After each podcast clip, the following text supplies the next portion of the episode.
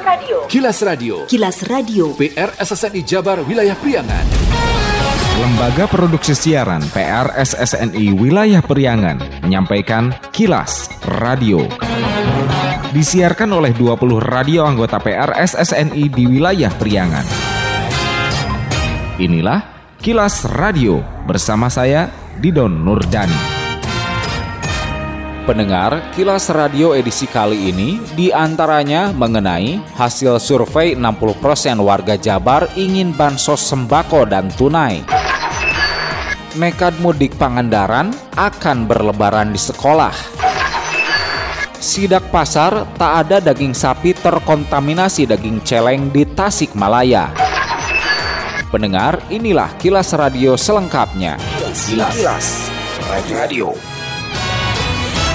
Gubernur Jawa Barat Ridwan Kamil memastikan distribusi bantuan untuk masyarakat terdampak pandemi COVID-19 sudah berjalan dan memang terjadi dinamika di lapangan selama proses penyalurannya. Menurut Gubernur, Jabar telah distribusikan sejak 15 April silam disusul bantuan lain yang berdatangan dari pemerintah pusat. Ridwan Kamil menyebutkan sekitar 60% warga Jabar inginkan bantuan tunai dan sembako, tapi ada pula yang inginkan 100% tunai. Ada wacana ingin BLT tunai 100%, tapi hasil survei yang kami lakukan menunjukkan hampir 60% warga masih ingin kombinasi sebagian sembako dan sebagian tunai. Ini akan kami putuskan dengan Dewan, jika dianggap sesuai aspirasi rakyat, pola Jawa Barat tidak akan berubah, tapi kalau ada aspirasi yang lebih memungkinkan secara kuat, bukan tidak mungkin dilakukan pemberian bentuknya tunai 100%.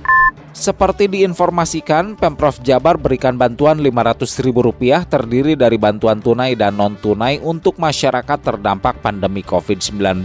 Proses pendataan penerima bansos berdasar data yang diterima dari kabupaten dan kota. Tercatat 38 juta warga di Jawa Barat membutuhkan bansos sekitar 2 per 3 dari jumlah populasi warga Jabar yang capai 50 juta jiwa pemerintah Kabupaten Garut akan berikan bantuan sosial bagi para guru honorer SD dan SMP negeri dan swasta di daerahnya. Wakil Bupati Garut Helmi Budiman mengungkapkan bantuan sosial itu bersumber dari pos anggaran biaya tak terduga BTT APBD Garut tahun 2020 senilai 8 miliar rupiah. Menurut Helmi, kriteria khusus bagi guru honorer penerima bantuan adalah honorer tingkat sekolah dasar dan SMP negeri maupun swasta yang belum termasuk penerima menerima tunjangan sertifikasi dan belum peroleh bantuan lain baik yang bersumber dari pemerintah pusat maupun pemerintah provinsi dan kabupaten. Kepada reporter Kilas Radio Selamat Timur, Helmi menegaskan untuk memastikan akurasi data calon penerima bantuan kini tengah dilakukan persepadanan data Dinas Kependudukan dan Catatan Sipil di Sdukcapil guru honorer itu yang diusulkan baru SD dan SMP. Sekarang dalam tahap pemadanan data. Berapa jumlahnya? Kalau semuanya memang belum mendapatkan bantuan maka akan kita bantu 8 miliar dari Pemkap. TK sama PAUD baru diusulkan. Sementara itu untuk guru TK dan PAUD kata Helmi kini sedang diajukan juga. Diharapkan sebelum lebaran semua bantuan sudah sampai kepada para guru honorer sebagai penerima manfaat di tengah kesulitan akibat dampak pandemi COVID-19 ini di daerahnya. Direktur Utama Rumah Sakit Singaparna Medical Center RSSMC Dr. Iman Firmansah menjelaskan satu pasien dalam pengawasan asal Cigalontang dipulangkan setelah satu hari dirawat. Menurut Iman, pasien yang dianggap PDP itu telah diperiksa dan dilakukan rapid test hasilnya negatif, rongsen bersih, kondisi sehat, tidak ada gejala COVID-19. Menurut Iman, yang bersangkutan dianggap orang dalam pemantauan ODP karena mempunyai riwayat pernah dari zona merah. Iman menambahkan untuk mendeteksi dini penyebaran virus, petugas puskesmas Cigalontang telah melakukan tracing ke yang kontak dan keluarga. Pertama, kita anggap PDP di rapid test negatif, hasil ronsen bersih dengan kondisi baik. Jadi kita pulangkan, kita anggap itu pasien ODP. Jadi diisolasi di rumah karena ada riwayat berkunjung dari daerah zona merah. Swabnya sudah diambil, hasilnya belum ada. Dirawat cuma sehari aja, hasil pemeriksaan rapid test tidak reaktif. Sebelumnya beredar berita di media, seorang warga asal Cigalontang, Tasikmalaya jatuh pingsan di halaman Puskesmas Singaparna Selasa 12 Mei lalu. Pasien yang mengeluhkan demam dan sesak nafas itu dievakuasi petugas ber-APD dan dibawa ke RSUD SMC. Diketahui pasien dimaksud mengaku pulang dari Medan, Sumatera Utara melalui Bandara Soekarno-Hatta. Meski diminta karantina karena suhu tinggi, pasien nekat justru memilih pulang menggunakan travel menuju Tasikmalaya. Sebelum ia periksa ke puskesmas, malah pingsan. Saya minta mudah-mudahan mah gitu ya cepat beres. Semoga Tuhan cepat kembalikannya wabah penyakit corona ini. Semoga cepat usai, semoga cepat selesai. Segera hilang aja gitu penyakit itu dari Indonesia. Ya mudah-mudahan cepat selesai ya. Punah gitu nggak ada gitu. Kasihan. Ya mudah-mudahan dicabut lagi lah corona itu oleh yang maha kuasa.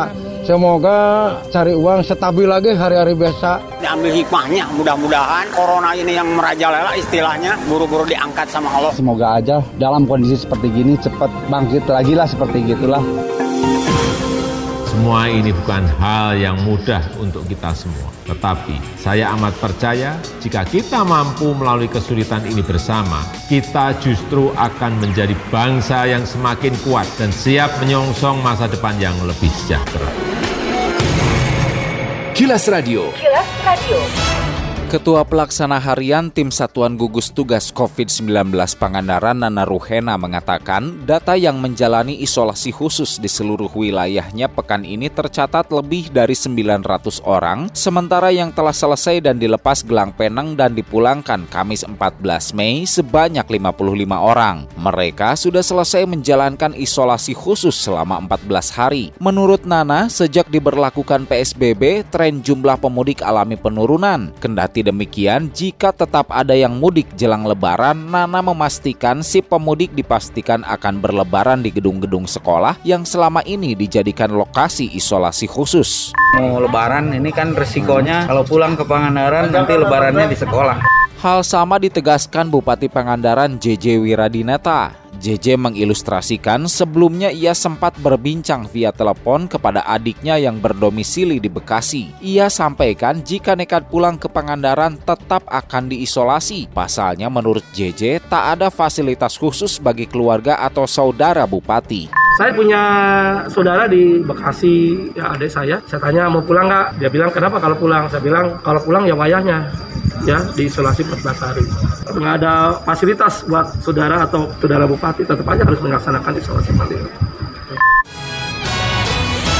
Tak hanya Pemkap Pangandaran yang berlakukan isolasi khusus bagi pemudik nekat, Pemkot Banjar juga sejak pekan ini telah siapkan ruang isolasi khusus atau karantina bagi pemudik yang pulang kampung ke wilayahnya. Bedanya, jika Kabupaten Pangandaran mengisolasi pemudik di sekolah-sekolah yang tersebar di wilayahnya, Kota Banjar siapkan tempat karantina sekelas hotel berbintang dengan fasilitas yang dijamin menyamankan bagi yang isolasi selama 14 hari. Tempat itu adalah Stadion Gelora Banjar Patroman. Wali Kota Banjar, ADUU Sukaisih mengatakan ia mengkhawatirkan jelang lebaran banyak pemudik yang sebenarnya bisa saja telah terpapar COVID-19 datang ke kotanya, lalu bisa menularkan ke masyarakat. Karenanya, Pemkot menurut Ade menyiapkan lokasi isolasi yang representatif agar menyamankan bagi pemudik yang diisolasi kelak. Insya Allah mudah-mudahan juga pemudik kita persiapan takutnya lebaran tuh mm -hmm. banyak ya yang ini jadi diperiksa dulu tetap harus di karantina karena kita sudah bagus ya turun rumah sakit sudah turun pasien nanti kalau datang lagi datang lagi takutnya terpapar.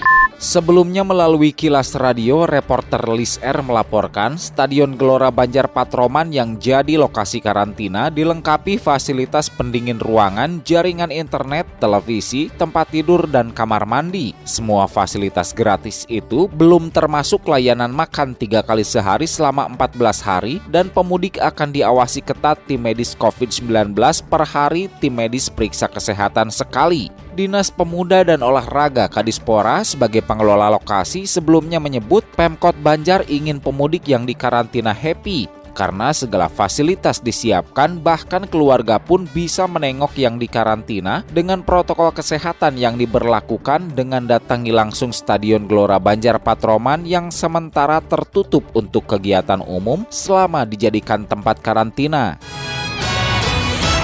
Seminggu tak ada kasus COVID-19, Ikatan Dokter Indonesia atau IDI Kabupaten Ciamis bersama tim disaster COVID-19 Ciamis turun ke jalan membagikan sembako dan takjil kepada warga terdampak pandemi COVID-19 Kamis 14 Mei sore. Sekretaris IDI Ciamis yang juga ketua tim penanganan kasus COVID-19 Dr. Eni Rohaini kepada Anik ST Kilas Radio di alun-alun Ciamis mengatakan ada 400 paket sembako, 400 nasi kotak dan 500 tajil yang dibagikan ke warga. Eni menuturkan, ia dan para dokter menyasar tukang ojek, pengayuh beca, tukang parkir, petugas kebersihan, pengemis, gelandangan, anak jalanan, ODH, PKL, lansia, sopir angkot, bahkan juga penumpang angkot di beberapa titik kawasan di kota Ciamis. Bahkan 15 sopir ambulans dan penggali makam yang tergabung dalam tim disaster COVID-19 Ciamis pun dilibatkan. Pasalnya sudah sepekan tak ada aktivitas yang melibatkan melibatkan mereka.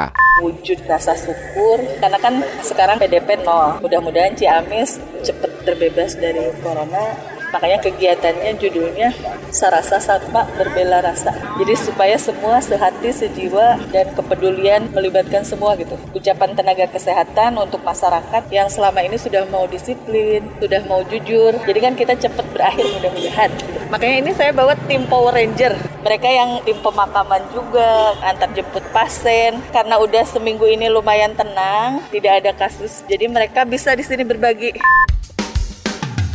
Bila Anda mendapatkan hal-hal atau peristiwa penting untuk diliput oleh tim Kilas Radio, hubungi hotline servis kami, SMS atau WA ke nomor 0813 2424 5911 0813 2424 5911 Petugas gabungan tim Satgas Pangan Kota Tasikmalaya melakukan inspeksi mendadak sidak ke Pasar Induk Cikurubuk Kota Tasikmalaya Kamis 14 Mei untuk cek kondisi daging di pasar setelah ramai ditemukannya peredaran daging babi di daerah lain. Tim Satgas Pangan yang libatkan sejumlah dinas dan instansi itu ingin memastikan peredaran daging di Kota Tasikmalaya. Kepala Dinas Ketahanan Pangan Pertanian dan Perikanan Kota Tasikmalaya Teddy Setiadi mengatakan sidak dilakukan dilakukan dengan mengambil beberapa sampel daging sapi baik lokal maupun impor. Menurut Teddy, berdasar hasil pemeriksaan tak ada daging sapi yang terkontaminasi daging babi. Kita harus waspada sajalah. Dilihat dari teksturnya berbeda lah. Kita tidak ditemukan ya. Sidak juga memantau kesediaan pangan, stok kebutuhan pokok masyarakat jelang lebaran hasilnya masih cukup. Harga normal meski ada kenaikan tapi dalam batas normal dan tetap terjangkau. Kendati demikian menurut Teddy, sejumlah komoditi alami kenaikan harga seperti bawang merah dari Rp25.000 menjadi Rp50.000 per kilogramnya. Teddy mengaku akan evaluasi penyebab kenaikan harga itu ketersediaan pangan di bulan Ramadan ini dan sampai menjelang hari raya insya Allah kita aman. Hanya harga sayuran menurun karena melimpah kan sedang masa panen. Yang naik ada nih bawang merah naik biasanya 25 28 ini naik jadi 35 48.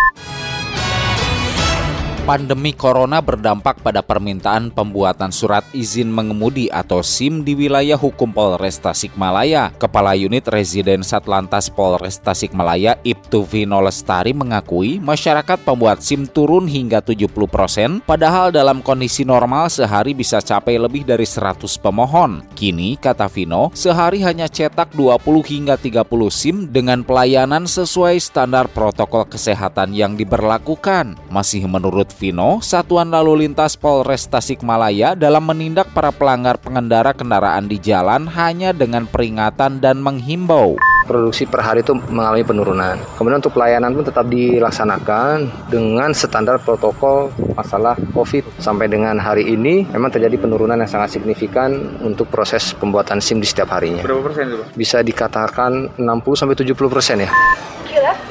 Kilas Radio. Kilas Radio. PR SSNI Jabar Wilayah Priangan. Sekian Kilas Radio. Saya Dido Nurdani. Salam PR SSNI. Kilas, Kilas Radio.